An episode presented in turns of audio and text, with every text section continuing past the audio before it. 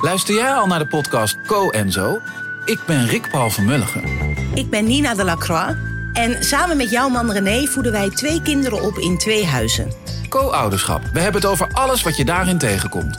Maar ook over de juice tijdens onze kinderloze dagen, want die heb je ook in het co-ouderschap. Een podcast voor alle ouders in alle vormen, maar ook voor alle mensen zonder kinderen. Zijn we eerlijk, heerlijk herkenbaar. Dus luister naar Co en Zo in je favoriete podcast-app.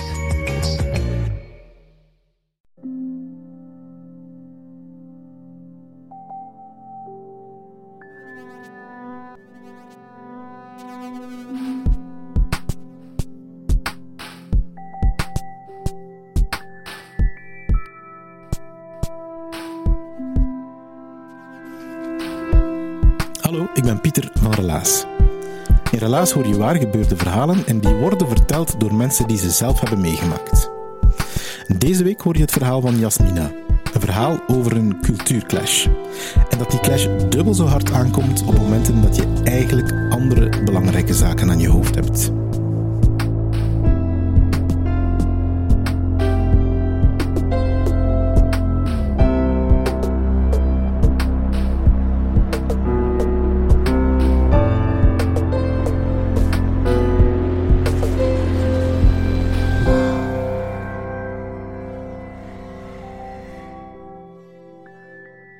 Veertien jaar geleden zat ik op een vliegtuig naar Casablanca met mijn moeder naast mij. Mijn vader was de nacht voordien gestorven. En wilde, zoals zijn wil het wilde, wilde die begraven worden in Marokko. En zoals jullie misschien weten, moslims, het is de gewoonte bij moslims om binnen de 24 uur begraven te worden. Tenzij, of zo snel mogelijk, als je in het buitenland woont. En dus niet in het land van herkomst. Ik ben Jasmine. Ik ben half Marokkaans, maar zo Belgisch, of beter gezegd zo Antwerps als maar zijn kan. Mijn ouders zijn gescheiden toen ik twaalf was. En mijn moeder had mijn vader niet meer gezien tot twee weken voordat hij overleden is. Mijn vader had ons in der tijd verlaten en heeft niet meer naar mijn broer en ik omgekeken. Dus je kunt u wel inbeelden dat ik absoluut geen voeling nog binding heb met mijn Marokkaanse roots. Enfin, ehm, we zitten op dat vliegtuig naar Casablanca. En ik had eigenlijk in gedachten om daar aan te komen en alles samen te regelen met mijn broer. Maar die kon er op het laatste moment niet meer bij zijn. Of pas op het laatste moment bij zijn. En dat wilde dus zeggen dat heel dat proces op mijn schouders terechtkwam. Als vrouw, als iemand die de taal niet spreekt en iemand die de cultuur eigenlijk niet kent. Ik kan u vertellen dat was pas een uitdaging. Ik kom in Casablanca aan. Het probleem was dat mijn vader zijn lichaam nog niet gerepatrieerd werd. En dat heeft een drietal dagen geduurd, dus wij liepen daar te wachten. En drie dagen later kregen we bericht dat de repatriëring begonnen was. De dag nadien hebben we ervoor gezorgd dat we bij de lijkschouwer, zo gaat dat daar, bij de lijkschouwer stonden om de papieren in ontvangst te nemen om het administratieve proces te starten. En bij de lijkschouwer op de parking kwam ik daar allemaal familie tegen die ik van haar of pluimen kende. Nichten en neven, kinderen van een oom van mij, neven van mijn vader, onkels van mijn vader. Ik wist niet wie dat zij waren, maar we moesten het met elkaar doen. Ik krijg de papieren in ontvangst en dan begint het proces, het eerste stuk.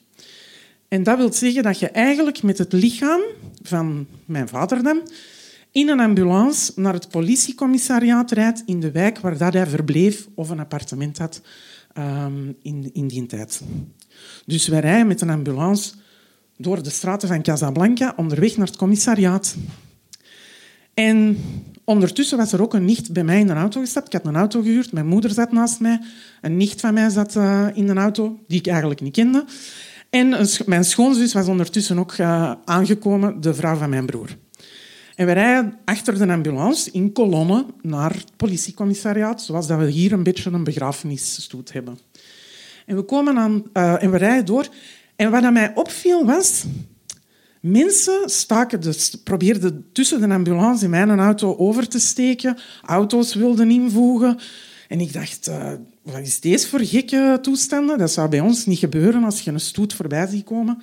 Zeker met een allez, begrafenisdingen dan zouden wachten tot als die allemaal voorbij zijn. Daar iedereen probeerde ertussen te komen. Dus ik zeg, ik zeg er iets van en mijn nicht zegt, oh, maar wacht, het is hier niet gebruikelijk dat in een begrafenisstoet de eerste auto na de ambulance dat er een vrouw aan het stuur zit. En daarbovenop dat er nog andere vrouwen in die auto zitten. Ik dacht, oh, wist ik niet. Ik vond het een beetje raar. We komen aan het politiecommissariaat.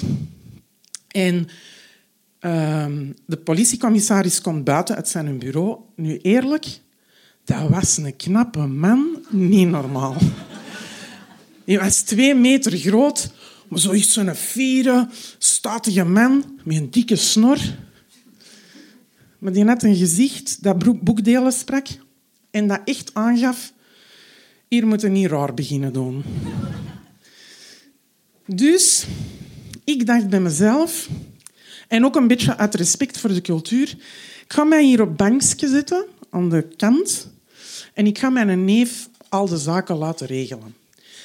Um, ik wist heel duidelijk, of ik voelde heel duidelijk, dat er niet een moment was om mijn eigen zelf te zijn. En voor degenen die mij niet kennen, ik ben high energy, get things done, en zo snel, hoe sneller, hoe beter. Maar daar denk ik, nee, ik mij aan de zijkant zitten. Dus ik zet mij met een het geregel. En binnen een half uur, drie kwartier staan wij terug buiten. Waarbij ondertussen mijn broer toch was aangekomen. En het tweede stuk van het proces starten. Namelijk, de ambulance met lichaam van mijn vader rijdt dan naar de wijk of de straat waar dat hij verbleef of woonde. Dus ondertussen, mijn broer die rijdt achter de ambulance. denk, hè, dan wordt het niet opgehouden met mensen die omvergereden worden. En ik rijd achter mijn broer en wij komen in de straat waar mijn vader een appartement had. En in mijn beleving er was zeker honderd man op straat. Die straat stond vol met mensen. Beetje raar, oké. en ik stap uit, mijn auto, mijn broer stapt uit zijn auto en wij staan zo... Ik ben, ben nogal een grote meter 83 en mijn broer is 2 meter en 3. En wij staan echt over de mensenmassa, konden wij zien. Maar dat was oude vrouwtjes die naar mij toe kwamen, die mij wouden aanraken, alsof dat dat, dat geluk bracht of zo. Maar um, die zo uh, van alles in het Marokkaans aan het vertellen waren. Waarschijnlijk dat mijn vader een goede man was en dat ze enige deelneming en weet ik het wat dat ze allemaal zeiden. Maar dat voelde kei raar en kei onwennig. Dus ik kijk naar mijn broer. Ik zeg, ken jij die mensen? Die kijkt naar mij, die zegt nee. Die zegt, ken jij die mensen? Ik zeg, nee. Zijn we dan weg? Ik zeg, ik denk dat dat een goed idee is. dus wij de auto in. Het volgende stuk naar de begraafplaats. Um, aan de begraafplaats aangekomen... Wat ze dan doen, is de kist uit de ambulance nemen en ze leggen die op een plek voor de ingang van, het, van de begraafplaats. Waarbij dat dan de mannen um, heel de rituelen, verzen van de Koran beginnen te reciteren. Het was eigenlijk het eerste moment dat er rond het afscheid van mijn vader gedacht werd. Na al die administratieve rompslomp was dat eindelijk een moment van rust, van ingetogenheid. En dat was eigenlijk wel schoon. Dus die mannen doen een ritueel. Eigenlijk staan wij er nog altijd met vier vrouwen, geen ander. En die doen dat ritueel en die pakken daarna de kist op. Dat moet ook door mannen gedragen worden. En die pakken de kist op en die lopen naar de ingang van de begraafplaats. Wel, vier vrouwen lopen erachter. Er komt ineens een kerel uit een kotje. Ik weet niet waar dat stond. Maar die komt naar buiten gelopen, begint met zijn handen te zwaaien en begint te roepen, haram, haram, dat is slecht. Dat mag niet, hier mogen geen vrouwen bij de begrafenis zijn. Nou, lustert. Op politiecommissariaat ging ik mij op een bankje zetten. Maar het ging nou niet gebeuren dat ik mij aan de, aan de kant ging zetten op de begraafplaats. Dus ik kijk naar mijn broer, die tenslotte 2 meter en drie is, right? En ik, ik kijk er naar en ik denk, ga God dat hier toch regelen? Die draait zijn eigen om, heeft de kist van mijn vader vast, draait zijn eigen om, klopt zo op mijn schouder, zijkant van de schouder, en die zegt, zus, anders moet je hier even blijven wachten. Serieus? Ik dacht het dus niet, gast. Ik heb mijn eigen al heel de dag moeten inhouden, maar hier, hier ga ik wel naast het graf van mijn vader staan als die te rusten wordt gelegd. Zwanzig aanpak. Waarop dat mijn neven, die dat niet verstaan natuurlijk, die ook wel groot zijn, die zeggen kom maar achter ons, kom maar achter ons. Dus wij met vier vrouwen erachter, die een bewaker ondertussen nog altijd liggen roepen en tieren. En ik denk op een gegeven moment dat iemand hem gewoon geld heeft gegeven en gezegd, gast, lot het, het gaat toch niet, het gaat toch niet veranderen. Dus wij lopen de begraafplaats op. En ik weet niet of je dat al eens hebt gezien, een Marokkaanse begraafplaats, maar dat is niet zo gelijk bij ons. Uh, bij ons zijn de begraafplaatsen geordend, mooie grafcirken, uh, praalgraven vooral. Hè. We, hebben nogal van de, van de bling-bling. Maar daar, alhoewel dat het chaotisch lijkt, is het daar enorm geordend. Maar ze doen daar niet aan praalgraven, grafcirken, tierlantijntjes. Want eigenlijk, de moslims geloven niet dat je geld aan de doden moet verspelen. Dus die zeggen eigenlijk, in plaats het geld dat je eigenlijk aan een grafsteen zou willen geven, we hebben liever dat je dat aan een goed doel schenkt. Opnieuw vind ik dat wel iets knap. Dus wij lopen over de begraafplaats, wij komen aan het graf van ons vader, waar dat ze nog een beetje de laatste hand aan het liggen waren. En die mannen doen terug een ritueel, um, laten de kist zakken in het graf en die vertrekken van de begraafplaats. En ik zeg tegen ons klein gezin, ik zeg, weet anders laten we nog even een momentje van rust inbouwen onder ons, zodanig dat we even kunnen ademen, weet je niet? En dat was een paar minuten stilte en ingetogenheid en verbinding maken met mijn vader. En voilà. En uh, op een gegeven moment zegt mijn broer, die staat aan het hoofdeinde, ik sta aan het voeteneinde. En die zegt, zus, hij ligt hier eigenlijk wel schoon, hè? zie dit? En ik draai mijn eigen om en ik zie in de verte de Atlantische Oceaan schitteren. Het is pas op dat moment dat ik kei rustig werd.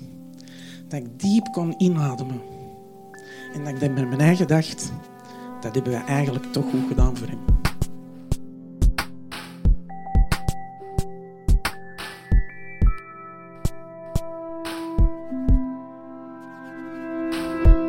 Dat was het relaas van Jasmina.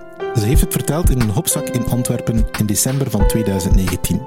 En als je relaas goed kent, dan weet je dat het niet de eerste keer is dat Jasmina vertelt. Je kan haar misschien kennen van het verhaal over die keer dat ze als kind wegliep uit een instelling. Je vindt het terug op onze website, relaas.be, en het verhaal heet Kom terug Jasmina. Zeker de moeite om eens te beluisteren. En ik eindig deze podcast altijd met een bedanking. En dat is deze keer niet anders. Dankjewel aan de afdeling cultuur van de stad Gent en van de Vlaamse gemeenschap. Jullie geven helaas de financiële ademruimte om vlot onze vertelavonden te organiseren. En om je elke week deze podcast te kunnen bezorgen. Wij partneren met Pulp Deluxe ook, met Urgent FM, Den Hopzak, Huset en Chase. En jullie, beste luisteraars, jullie brengen ons naar nieuwe hoogtes door dit verhaal door te sturen naar iemand die helaas nog niet kent, of door ons een duwtje in de rug te geven via onze Patreon. Je vindt de knop naar onze Patreon terug onder elk verhaal op de website. En dan kan je ons steunen met 1 of 2 of meer euro per maand. Dankjewel om te luisteren.